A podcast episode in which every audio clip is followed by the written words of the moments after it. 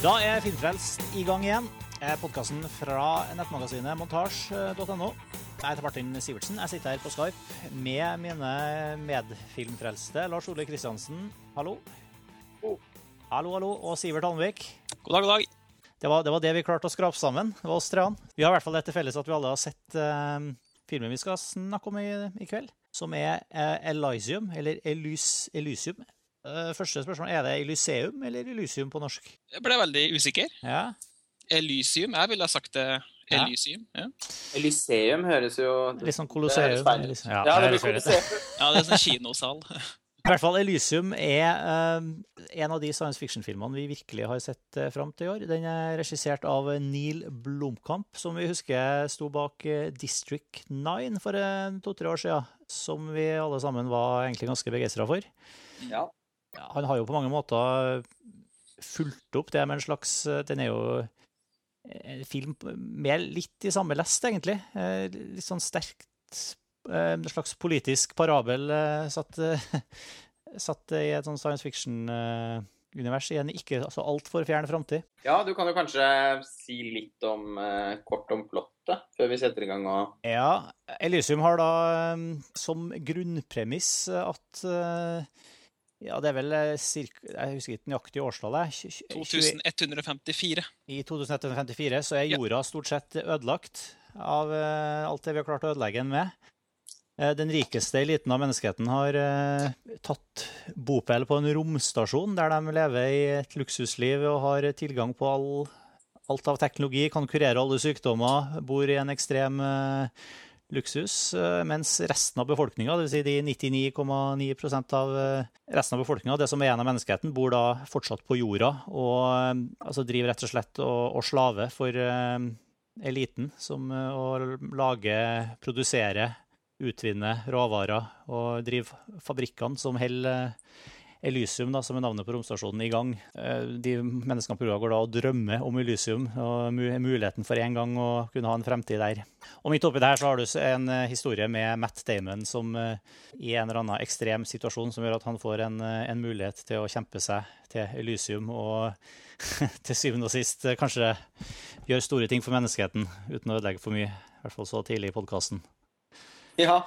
det, er det, er vel, ikke så mye å ødelegge. Det er jo ganske det er vel egentlig ganske gitt hva som kommer til å skje. Det...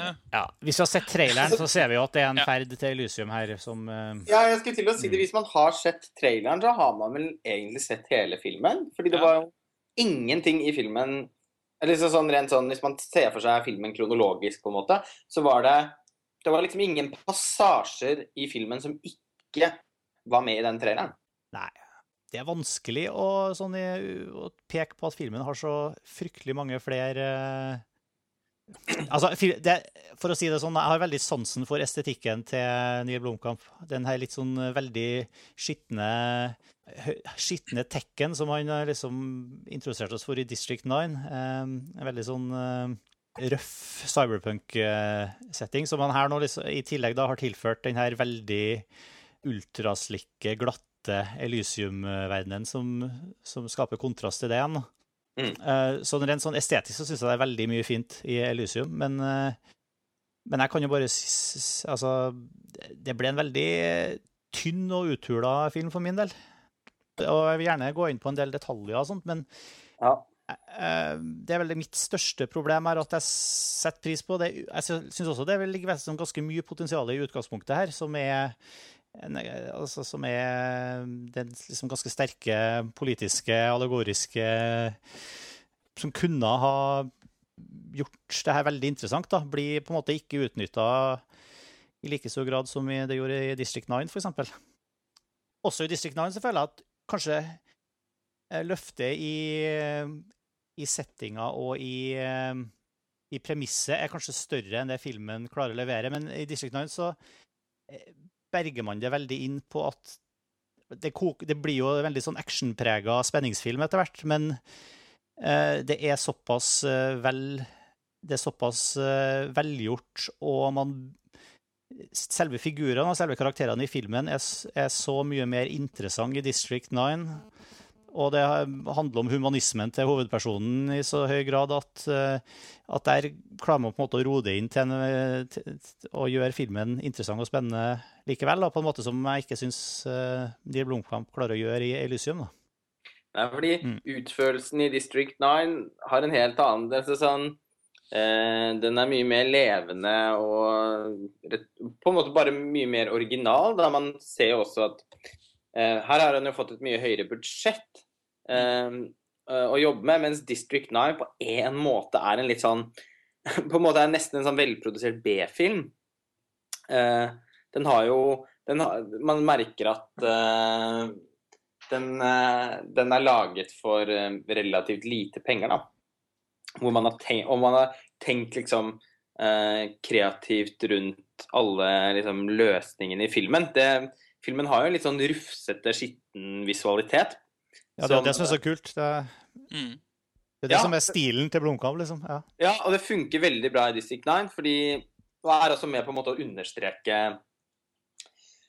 eh, Altså, ja, om ikke tematikken, men liksom eh, Den har jo Det er jo en Den har jo en sånn er, Det er mye liksom samfunnskommentar og Uh, han har på en måte en sånn slags sosial samvittighet, han, Neil Blomkamp. Han forsøker jo å uh, lage sånne små parabler på, på, ting, på situasjoner som man kjenner igjen fra vår egen verden. da. Og, gjøre, og blåse opp det til å bli, bli, science fiction. Det er i hvert fall det han gjør i District 9. Uh, eh, og jeg er ikke noe sånn blodfan av den filmen selv, egentlig. Men, men jeg syns den er Jeg syns den er morsomt skrudd sammen, og jeg syns at den har jeg synes en, en veldig underholdende, snerten film å se. Så for all del, jeg liker den. Uh, men jeg tenkte jo at Neil Blomkamp liksom med District 9 var, viste noe som var veldig lovende, og at han kunne liksom at det heller var et springbrett til, til neste produk produksjon. Som uh, Jeg tenkte jo det var aldri sånn at jeg tenkte etter å ha sett District 9 at å, oh, herregud, dette her dette går det jo ikke an å toppe. Jeg hadde heller tenkt at dette er en veldig lovende debut. Ikke sant? Du har toppa at ja. her skulle være den store filmen hans? på en måte. Ja, ja på en ja, måte. Uh, og da syns jeg vel Elysium litt er en sånn innbegrepet på en, skuff, en sånn klassisk skuffelse. Fordi premisset er så spennende. Altså Den er jo litt sånn Man kan jo nesten se på filmen som uh, Altså, I valgkampens hete, som vi er i om dagen, så kan man jo se eh, lese filmen veldig politisk. da. Dette her er vel eh, eh en sånn slags worst case scenario av privatiseringen til høyre de høyrevridde partiene, på en måte. Eh, jeg bare ser ja, ja, absolutt. Privatisering, altså typisk vel velferdshelsesystem. Eh som vi faktisk får uh, Altså alt det her vi får Det blir på en måte forløst på slutten av Elysium, da, hvor du faktisk uh, gjør får, får full, full, likhet for alle og Ja. og hva, hva, heter det programmet i USA som Det healthcare-programmet? Um, Obamacare ja, Obama for alle og, ja. Du, du, har, du, har liksom, du har veldig tydelig den dimensjonen over Elysium, men det ja, det er realisert kun i parabelform, da, fordi det er så lite troverdig og forankra i det, den historien som filmen faktisk formidler. Altså, Du kan høre beskrivelsen av hva filmen handler om, og trekke de parallellene her, men, men, ja, altså, er, men filmen er, i seg selv har jo så lite grep om det, syns jeg at det er vanskelig å, å måte være med på notene. Ja, og jeg syns eh, som sagt eh, den, bare den ideen om en sånn slags ekstremversjon av det private helsevesenet. Eh, oppe på en, på en, egen romstasjon eh, hvor, hvor, alle de rike og vellykkede kan få lov til å kultivere livene sine mens eh, avskummet skal søple på den ødelagte jordkloden. Eh, jo, altså, den ideen er jo veldig bra. og det, den har liksom så mye potensial til å kunne bli en, en ordentlig liksom spennende science fiction-film. Men det som er trist, er at den liksom skusler bort det. Eh, ja, for, for, den har jo liksom 1% av menneskeheten, eller hvor mange prosent det nå er, liksom den lille toppen av menneskeheten som lever på hele resten av jordas befolknings slaveri. Det er jo på en måte den situasjonen vi har i, i jorda eh, på jorda Ja, i dag òg. ja, det er jo Så det er sånn det er i dag. Det er jo veldig sånn eh, Det er vel eh, nesten som en slags Mexico, den jorda vi ser i Elysium, og alle som skal over grensa, eller over den lille biten av verdensrom før du kommer til Elysium og blir skutt ned på vei over, over eh, muren, eller hva man skal kalle det. Ja, den er, Mm. den er ganske sånn brutal i måten den skildrer uh, denne Jeg kan ikke si samfunnet, denne verden, på en måte. På. Ja. Og uh, det ligger liksom Jeg syns jo liksom eksposisjonen til filmen er, er, er veldig god. Jeg syns at de første liksom det første kvarteret så tenkte jeg liksom at hm, dette her kan jo bli virkelig interessant. Fordi eh, eh, de har en konflikt, en veldig tydelig, men, eh, men samtidig ordentlig liksom lada, lada interessant konflikt å kunne spille på, og til å kunne lage noe, en, en engasjerende historie ut av. Men istedenfor å dyrke fram science fiction-elementet med filmen, så later det til at han Blomkamp da ikke er spesielt interessert i det. Det blir på en måte bare en ramme eh, for en veldig konvensjonell eh, action-titrøyte, som jeg opplevde som ganske masete. Mm. Og- så føler jeg at han, eh, han ødelegger litt av dere science fiction-sakene ved å kun Eller det føles veldig påtvunget når de science fiction-tingene kommer. For eksempel det der skjelettet han, eh, han Matt Damon får, får uh, skrudd på seg. Det er jo en ganske sånn ga- ganske heftig greier, men han gjør ikke noe mye ut av det. Det er bare en sånn bitte liten scene, og så ok, nå er, vi, nå, nå er han eh, sterkere enn eh, hvem- som helst, men ikke, han gjør ikke noe mer ut av det, eh, av det skjelettet her, da. Nei. Det blir som om Ja, Ja, det så eh, på det er sånn, ja, ok, vi må, vi, må, vi, vi må ta med det fordi at det er science eh, fiction, og så kan jeg fortsette å lage en litt sånn halvdårlig actionfilm. Uh, Han får jo da litt sånn Terminator-aktige helt og antihelt. Du har jo han uh, Sikkert kommet tilbake til den andre figuren, eh, men Charlotte Copley, som får jo også et sånt eh, skjelett, exoskeleton, på, Ja, påsveisa seg, og ja. da kan de slåss mot hverandre i litt sånn over, med overmenneskelig styrke, så du får Ja, litt, men hva, men litt mer spektakulære kamper. Det- Nei, nei, Jeg skjønte ikke vitsen hvorfor han skulle ha, ha, ha på seg det skjelettet. fordi at skjelettet til en Matt Damon var jo så dårlig at han fikk til å slåss Ja, han, eh, han antihelten fikk jo til å slåss eh, mot den lell. Du er kanskje inne på altså Det som er de gjør, En ting er jo som, du, som dere er inne på, at uh, i likhet med District 9, så er jo det tonen Jeg er helt enig med deg, Lars Ole, at anslaget her er veldig godt. Og det Ja. er det jo også i District 9. Og så Mm. sklir det ut i en action-spenningsmodus etter ja, en tredjedel ute i filmen. Og det gjør jo for så vidt District 9 også. Ja, det gjør det. Men det, eh, det løses bare så mye bedre der, og her blir det egentlig bare platt og interessant. Og det som i tillegg frustrerer meg enormt, er når man ender opp med å gi så fullstendig blanke i å opprettholde noen form for sånn eh, litt, litt som vi snakka om i sist uh, Filmfrelst også, da vi snakka om Pacific Rim. At man gir så blanke i, eh, i indre logikk og i å skape troverdig troverdige science fiction-elementer. Troverdige teknologier.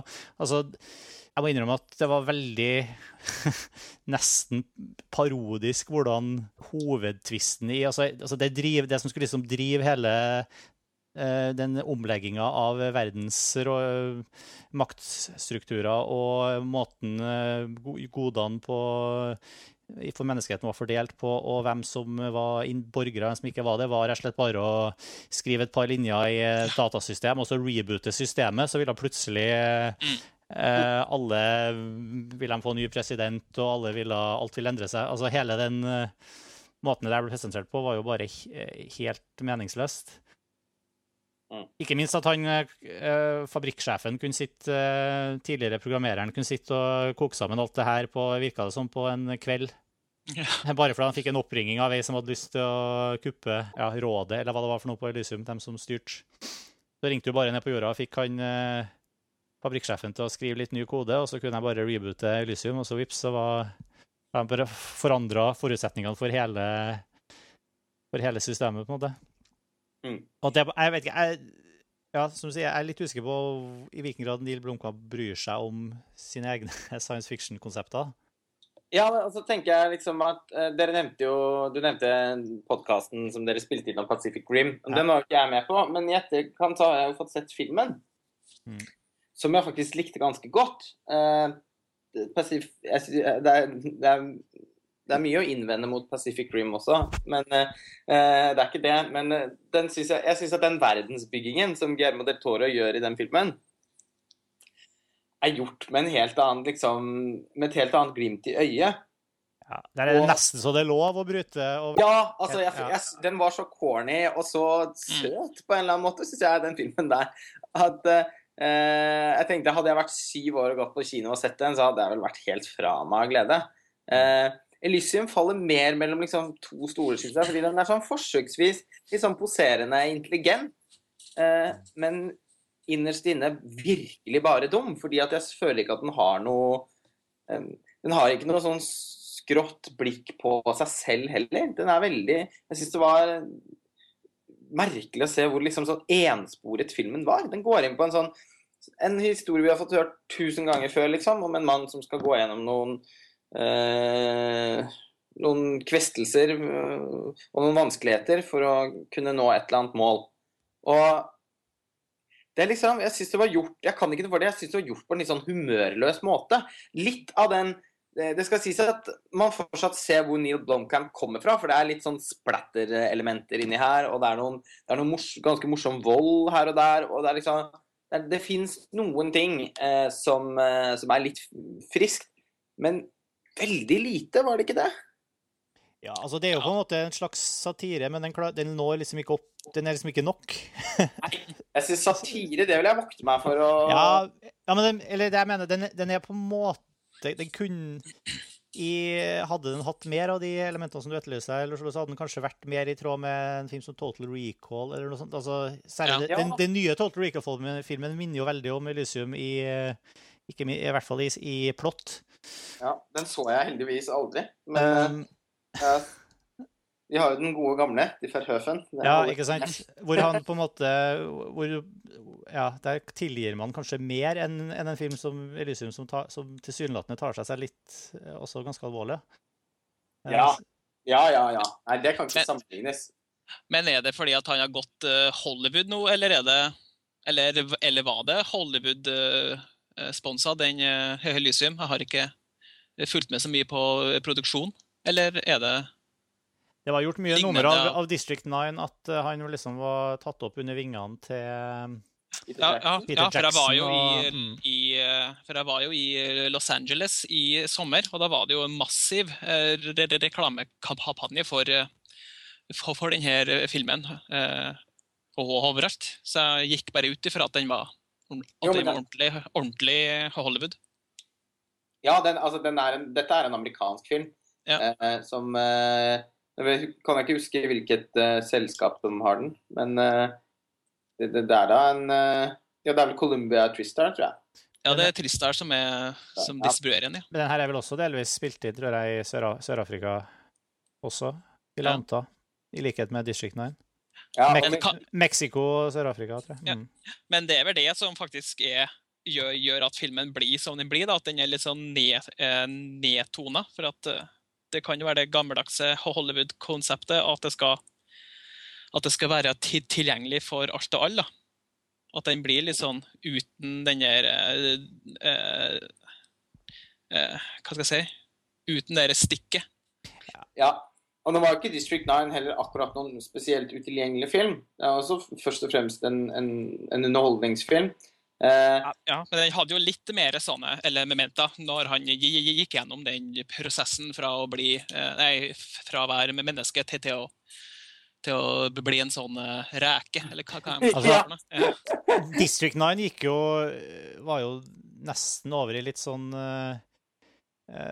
Litt sånn semisplatter-territorium. Litt sånn som som eh, Starship Troopers. litt, ja. litt, over i tråkka litt Det gjorde jo Det er jo kanskje én sånn scene i Lucivo, men den, den, er mye mer Det er nedtona. Den er mye mer nedtona og mye mer kjedelig, da. Ja, ja det, er det, det, er akkurat det. Det er det derre det rufset da, som er i, det, i District 9, det er liksom, liksom polert vekk. Og eh, en annen ting er liksom castingen. Matt Eh. Damon, ja, hvor, ja, hvorfor han? Ja, det, det skjønner ikke jeg helt heller. Eh, eh, Matt Damon kan jo være veldig bra, og han kan være veldig kjedelig. Og her er han i hvert fall det siste. Jeg syns han eh, virker eh, Jeg vet ikke, jeg føler ikke at han gir noe til den rollefiguren, da. Og det er jo i seg fra før av også en ganske tam, eh, tam figur. Mm. Så jeg syns man får liksom veldig lite Jeg vet ikke, jeg syns ikke, synes ikke han hadde noe karisma, rett og slett, i den rollen der. Mye verre dog, syns jeg Judy Foster er. Eh, som er helt hårreisende dårlig castet, rett og slett. Eh, Jeg er jo selvfølgelig Jodie Eh, Foster. Ja, altså jeg er like Mm. glad i Jodie Foster som de fleste andre, eh, på en måte, men i all verdens land og rike her syns jeg hun spiller utrolig merkelig.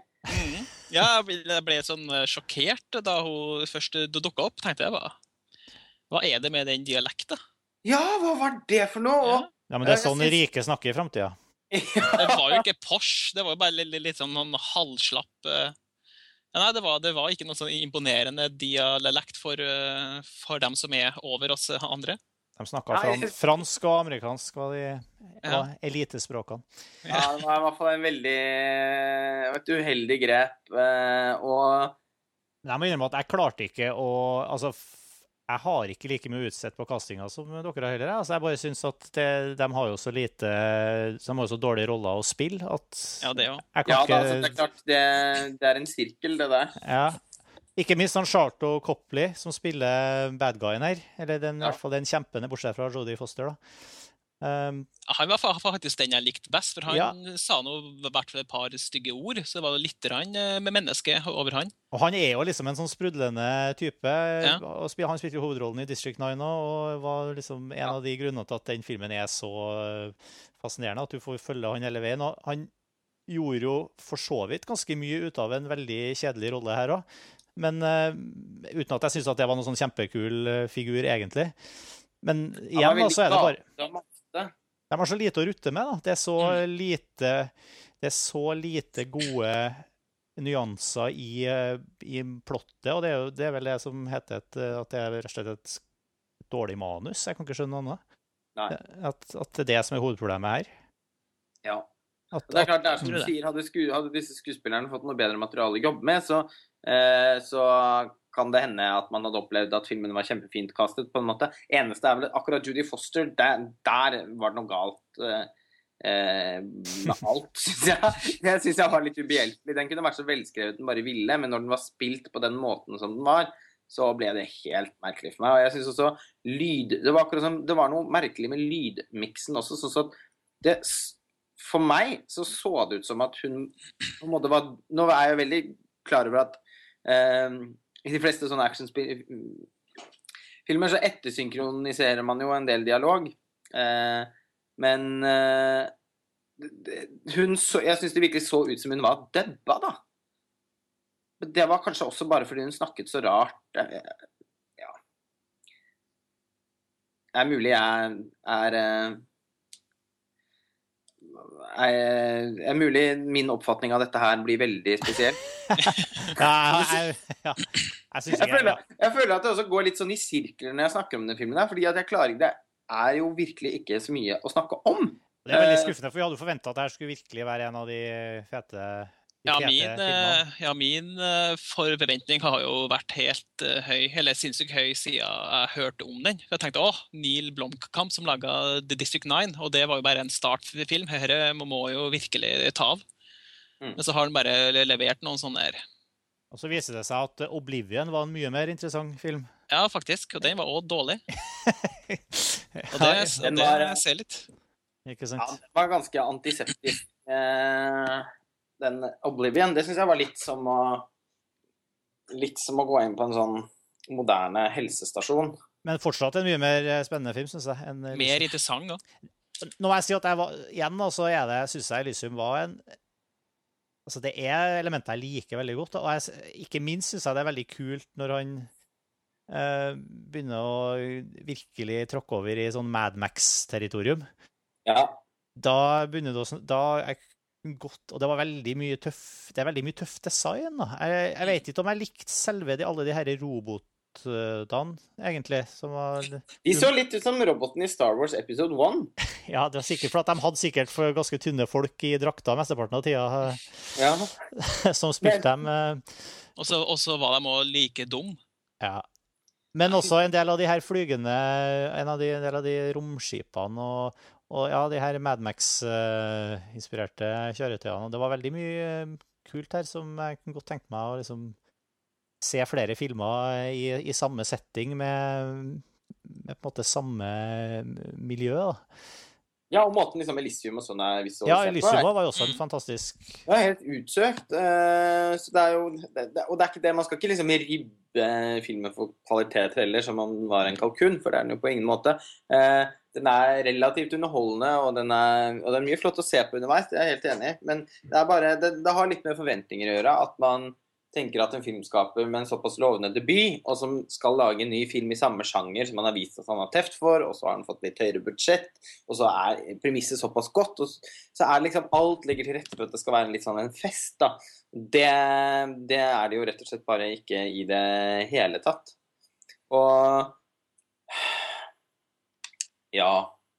Det som, det som også syns jeg var litt sånn skuffende, er at jeg lurer på om jeg egentlig syns han Blomkamp er en spesielt god actionregissør heller. Eh, som er litt sånn problematisk når han bruker så mye tid på, på action. For jeg, jeg la blant annet merke til her, og det er mulig at det var sånn i District 9 nå, men, jeg, men altså at veldig mye av Det er veldig mye eh, slåssing her, rett og slett. God gammeldags eh, nærkamp. Og det har han løst veldig mye med sånn eh, innzooma telelinse som man bare rister rundt for å få ting til å se ekstra hektisk og, og få liksom på en eller annen måte skape inntrykk av at her er det veldig mye bevegelse og Ja, Det irriterer meg altså i sånne nye, nye filmer der det alltid skal være Du vil jo se at folk, folk slåss, du vil jo ikke bare ha en idé om at de slåss. Du vil Nei, jo så se her, så her får du liksom bare Ja, du har veldig mye nære ekstreme nærbildene som bare rister veldig mye, og du ser egentlig ikke hva som skjer. Du bare Du bare opplever lyden. Ja, og det For meg det, det er litt sånn tegn på at eh, det er en billig utvei eh, for å vise at Eller at du egentlig ikke har en sånn ordentlig koreografert Spar Eh, penger. da. Så når du i tillegg reduserer, føler jeg, da, eh, de slåssescenene også ved å filme det på den måten her, så tar det liksom, suger det enda litt mer energi ut av filmen. Mm. Tips til filmskapere det er å ha lengre klipp, så folk får til å se at, de, at, eh, at folk slåss. Det er jo det man vil. Ja. Ja, jeg liker liksom å vite hvor folk er i det miljøet de slåss i, hvis det man skal Mm. gjøre et poeng av å kunne nyte en sånn klassisk gammel actionslåssescene, så vil jeg liksom ha en viss sånn følelse av geografien og rommet for å på en måte Og ja, kunne også, ja, også hvem som er hvem. Hvem som er hvem, ikke sant? Hvem som Mm. gjør hva. Der leverer jo Sexnider litt, syns jeg. Ja, sånn sett. Det var jo bedre løst i Supermann, eller i Man of Steel. Ja. Eh, nei, altså uten sammenligning for øvrig. Men jeg syns også actionscenene blir veldig kaotiske ofte. Jeg- i, I noen typer filmer så kan det funke, fordi da kan man eh, Altså hvis uttrykket liksom kler tonen i filmen, så, så kan man jo alltids eh, lage, bruke håndholdt-kamera og sånne actionsekvenser. Det er jo en, på en måte også blitt en vanlig en konvensjon, det. Men Eh, men jeg syns ikke det helt kler tonen til filmen. da. Jeg synes at jeg skjønner ikke hvorfor den skal ha et nesten sånn dokumentar noen sånn liksom dokumentariske grep i, i actionscenen. Jeg vet ikke, jeg syns det virker, som, virker veldig umotivert. Jeg syns først og fremst at det ble veldig masete Mm. eh, og rotete. Ja, og det er jo det som er effekten, som gjør at Og det Ja, og det, skal sikkert, det er sikkert tanken bak òg. Tanken er jo sikkert at det skal skape en intensitet, men det syns jeg jo ikke det gjør. Eh, tvert imot så blir det bare Eller, eller så har jo Phil Sivert helt rett, at det er en måte å gjøre det Det er jo lettere og kjappere og billigere. Når du Ja. føler at du bare kan zoome helt inn og riste litt, så ser det Mm. fett ut. Ja, ikke sant? Og det, og det gjør også Når man løser actionsekvensene på den måten, så dropper man jo også på en måte det beste som fins. Altså, jeg så Jeg så Minority Report av Steven Spielberg kanskje for tiende gang. Eh, i eh, Når var det? Om fredagen. Sammen med min nevø, som da ikke hadde sett den før. Dan Eh. dannelsesvisning. Ja, en dannelsesfilm. Ja, jeg er jo veldig fan av den filmen. Det var som alltid et fryktelig godt gjensyn. Og det, da snakker vi om en science fiction-film, på en måte. Som Mm. både har hjernen og hjertet og, og ikke minst liksom i, i behold, og hvor utførelsen eh, er får en film som Elysium til å se veldig stusslig ut. Ja. Og det, det som slo meg nå, var at jeg tenker bare på det, når jeg, det er ikke så, egentlig så fryktelig mange actionsekvenser i Minority Report, for den er jo på ingen måte liksom en actionfilm. Den er jo faktisk en science fiction-film. Mm. Eh, men de innslagene som er av action der, er jo et helt sånn fantastisk eksempel på hvor gøy det kan være med actionsekvenser, fordi de er så oppfinnsomme. Det er som Spielberg tenker hele tiden hva, han kan, hva, kan jeg, hva er det maksimale jeg kan gjøre ut av denne liksom, transportetappesekvensen. Og så får du, du Ja, du får utnytta så mye, du får dykka så mye inn i verdenen. Jeg regner med du tenker Det jeg tenker på, når det er særlig den her bilfabrikken du, og de bilsekvensene og Jeg tenker særlig på den sekvensen med den jetpacken. Ja, jetpacken også, selvfølgelig. Men ja, det er, det er et annet eksempel. Ja. Hvor Ja, de det, liksom mm. gjennom vinduene og inn i leiligheter, og det er en gutt der som sitter og spiller saksofon, og en familie spiser middag og får Altså, Nei, for, det- for det er jo det, er jo det Elysium ikke gjør, da, som uh, Men Minority Report går jo så mer i dybden på, i sin egen verden, da. Mm. eh, Og utnytter det så mye bedre. Mens Elysium har et veldig bra eh, premiss, men klarer på en måte ikke å høste, og, høste fruktene av det, eller på en måte få det til å, til å blomstre og, og hente ut det som er interessant ved det, og, og vise det til oss på en spennende måte. Mens det gjør jo Steven Spielberg i høyeste grad i Minority Report. altså Den, den går så mye dypere i, i, sine, egne, i sine egne ideer. da. Ja, det er liksom en film som eh, bare klarer å leve opp til sitt eget premiss. Mm. Eh, og hadde Neil Blomkamp Det er klart, OK, hvis han ikke er spesielt interessert i å diskutere eller utforske den science fiction-ideen sin, eh, hadde han da i det minste laget noen ekstraordinære, oppfinnsomme, deilige actionsekvenser, så hadde det vært mye lettere å tilgi, syns jeg. Men når det er et sånn slags håndholdt helvete ute i en beige ørken eh, med veldig mye gaping og skriking, så bli, må jeg altså liksom innrømme at gleden mi, Min glede av det blir veldig liten. og når jeg ikke er engasjert i karakterene heller, så blir det veldig lite man sitter igjen med. Mm. Rent bortsett fra at, at eh, som jeg vel sa i stad, den er på en måte relativt underholdende i den forstand at det er jo litt tempo i filmen. Den, er, den skal ha skryt for å ikke dra det for langt ut. Den er ganske kort. Den er vel faktisk bare litt over halvannen time, er den ikke det? 109 minutter står det på Wikipedia. 109 minutter, ja. OK. Jeg trodde faktisk den var kortere. Eh, nei, men OK. Men den føles ikke spesielt lang, så eh, det, jeg syns Ja. Det er, det er et visst tempo i den. Det skal den få. Men jeg vet ikke hvor lenge vi skal drive og, og traktere og gå rundt eh, Gå, gå i sirkler rundt Elysium, for vi er jo stort sett enige i at Mm. Det er ikke en horribelt dårlig film. Eh, Den er, jeg syns for så vidt den var severdig, men den, vi er vel enige om at det var, som du var inne på i stad, Lars Ole, det, det her er ikke det her er et skritt tilbake fra debutfilmen til Liv Blomkamp. Og når, når det er det han gjør, når han får mer penger og jeg, jeg vet ikke om han får større frihet av den grunn, men i hvert fall eh, virkelig får lage en, eh, en film etter debutfilmen sin, så, så hadde vi forventa noe, noe mye bedre, da, rett og slett. Det er ikke Ja. alltid det er bra å dra til Hollywood. Du får sikkert veldig mye mer penger, men det er jo det er jo en del ting du må ta hensyn til. da. Ja, og det er jo, det er jo en gammel svisk idé på en måte om alle regissørene som, Ja. som er aldri så spennende, og så drar de til Hollywood, og så blir de like strømlinjeforma som, som alle andre. John Woo er vel et slags klassisk eksempel på det. Mm. Han dro heldigvis hjem igjen. Ja, heldigvis. Selv om jeg som en av ti personer i Europa kan si at jeg syns at Mission Impossible 2 er en, er en ganske tøff film. Men, Men- men han, han la igjen. Han, satte, han la igjen face-off. Ja, det gjorde han. Ja, det, Så da, det er da egentlig Det har eh, på en måte Da er alt annet tilgitt, syns jeg. For den den syns det- jeg bare blir morsommere og morsommere for hver gang jeg ser den. Ja da, den er, eh, den er flott, den.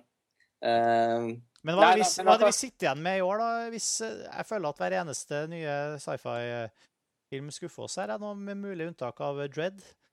Og jeg satt jo Red var jo kjempebra, men den var vel fra i fjor. Den var fra i fjor. Jeg likte jo Oblivion hakket bedre enn der, skjønner jeg. Men likevel. Ja. Det var heller ikke den innertieren som eh, Nei, den syns jeg var utro... Den, den synes jeg først og fremst bare var utrolig kjedelig. Den var vakker, men den var også vakker på, som jeg sa i stad, det var litt som å komme inn på en sånn eh, operasjonssal, eller Det var veldig sånn steril eh, Det så, så litt ut som liksom eh, Apple hadde mm. stått for produksjonsdesignet. Eh, Det var neppe Ja, det var litt, kanskje litt, litt av meninga. Mm. og hun Olga Kirilenko, som er veldig, veldig pen, men ikke spesielt uttrykksfull på noen som helst måte. Den kjærlighetshistorien der som var veldig vanskelig å engasjere seg i. Det var flott musikk av M83. Det er det jeg likte best. Er det Alfonso Cuarón som skal redde sjangeren i år med 'Gravity'? Ja, det får vi nå inderlig håpe. Eh, nå, får vi jo, nå er det jo Venezia-festival hvert øyeblikk, så da får vi vel se etter hvert som anmeldelsene begynner å tikke inn, om, eh, om, den, er, eh, om den innfrir de skyhøye forventningene som filmverden eh, har til den. Ja, og Sandra Bullock føler jeg ikke har eksistert siden Speed, men er mulig Jeg skulle akkurat til å si det. Men hun har jo vunnet en Oscar i mellomtiden for Ja. den The Blind Side. Ja, kanskje, Den har jeg ikke sett. Det er kanskje Nei, derfor. den har jeg ikke sett heller. Karsten har sett den og hadde en så overbevisende slags ja-befaling av den filmen at uh, okay. jeg har aldri endt opp med å nærme meg den. Hun spilte jo også i Crash, da. Også Oscar. Ja. ja, OK, jeg må kanskje svelge meg de ordene. Det var u u ufortjent. U Ja, Var vi, var, var vi i Crash òg? Ja, det var hun gærne kona, ja. Hun som ble så nervøs. Ja, Ja, da hun gjør, det. det er en veldig bra rolle. Hun gjør Ja, det. ja. Hun er hun er jo ja, ja. Ja, men jeg er også enig i at altså, sånn Sandra Bullock eh, jeg, liker, jeg liker henne, jeg. Men hun er også litt sånn som eh, Det er ikke alle steder hvor hun passer inn, fordi at man, hun er også veldig Sandra Bullock på en måte. Ja. Eh, så det er litt spennende å se hvordan det funker i den Gravity. Med hun og Josh Clooney, som begge er veldig sånn eh, Skuespillere som er veldig på en måte preget av seg selv. Mm. Uh, men eh, det får vi se. Jeg bare Det går har vel i hvert fall gått noen rykter om at filmen starter med en long take på 20 minutter eller noe. Jeg tenker da er jo mye gjort allerede der. Og min begeistring, i hvert fall. Hvis det er i nærheten av noe av det som er i 'Children of Men', så eh, jeg gleder jeg meg allerede. Ja. Det må vi jo ha. Nå har brukt, nå er det jo syv år siden 'Children of Men', så han bør jo Nei, ja, syv, seks år er det vel siden. Men ja, det er på tide at han eh, Han kan ikke levere noe som ikke er top notch nå. Det tar kanskje lang tid å lage longtakes. Så, sannsynligvis. Om du gjør noe feil, så må du begynne helt på nytt igjen hver gang. Ikke sant? Take, take 3652. Ja. Ja, men den filmen har de altså jobbet så lenge med. Det har vært utrolig lenge postproduksjon. Eh, det- Preproduksjon nå må, var, var jo enormt lang, for de kom jo aldri i gang med selve innspillingen. Og så eh, virket den ganske omfattende. Altså sånn Dette er liksom en film man har snakket om i årevis. La oss håpe det er et tegn på at de driver og pusser den sammen og finpusser effekter, at det ikke er fordi de prøver å lappe den sammen til noe det går an å, Nei, det er jo det å holde hendene og be til Gud for at eh, håp de så eh, eh, For de så den filmen vi snakka nå, eh, Høylysium, og lærte hva de ikke skal gjøre. Ja, det kan man si.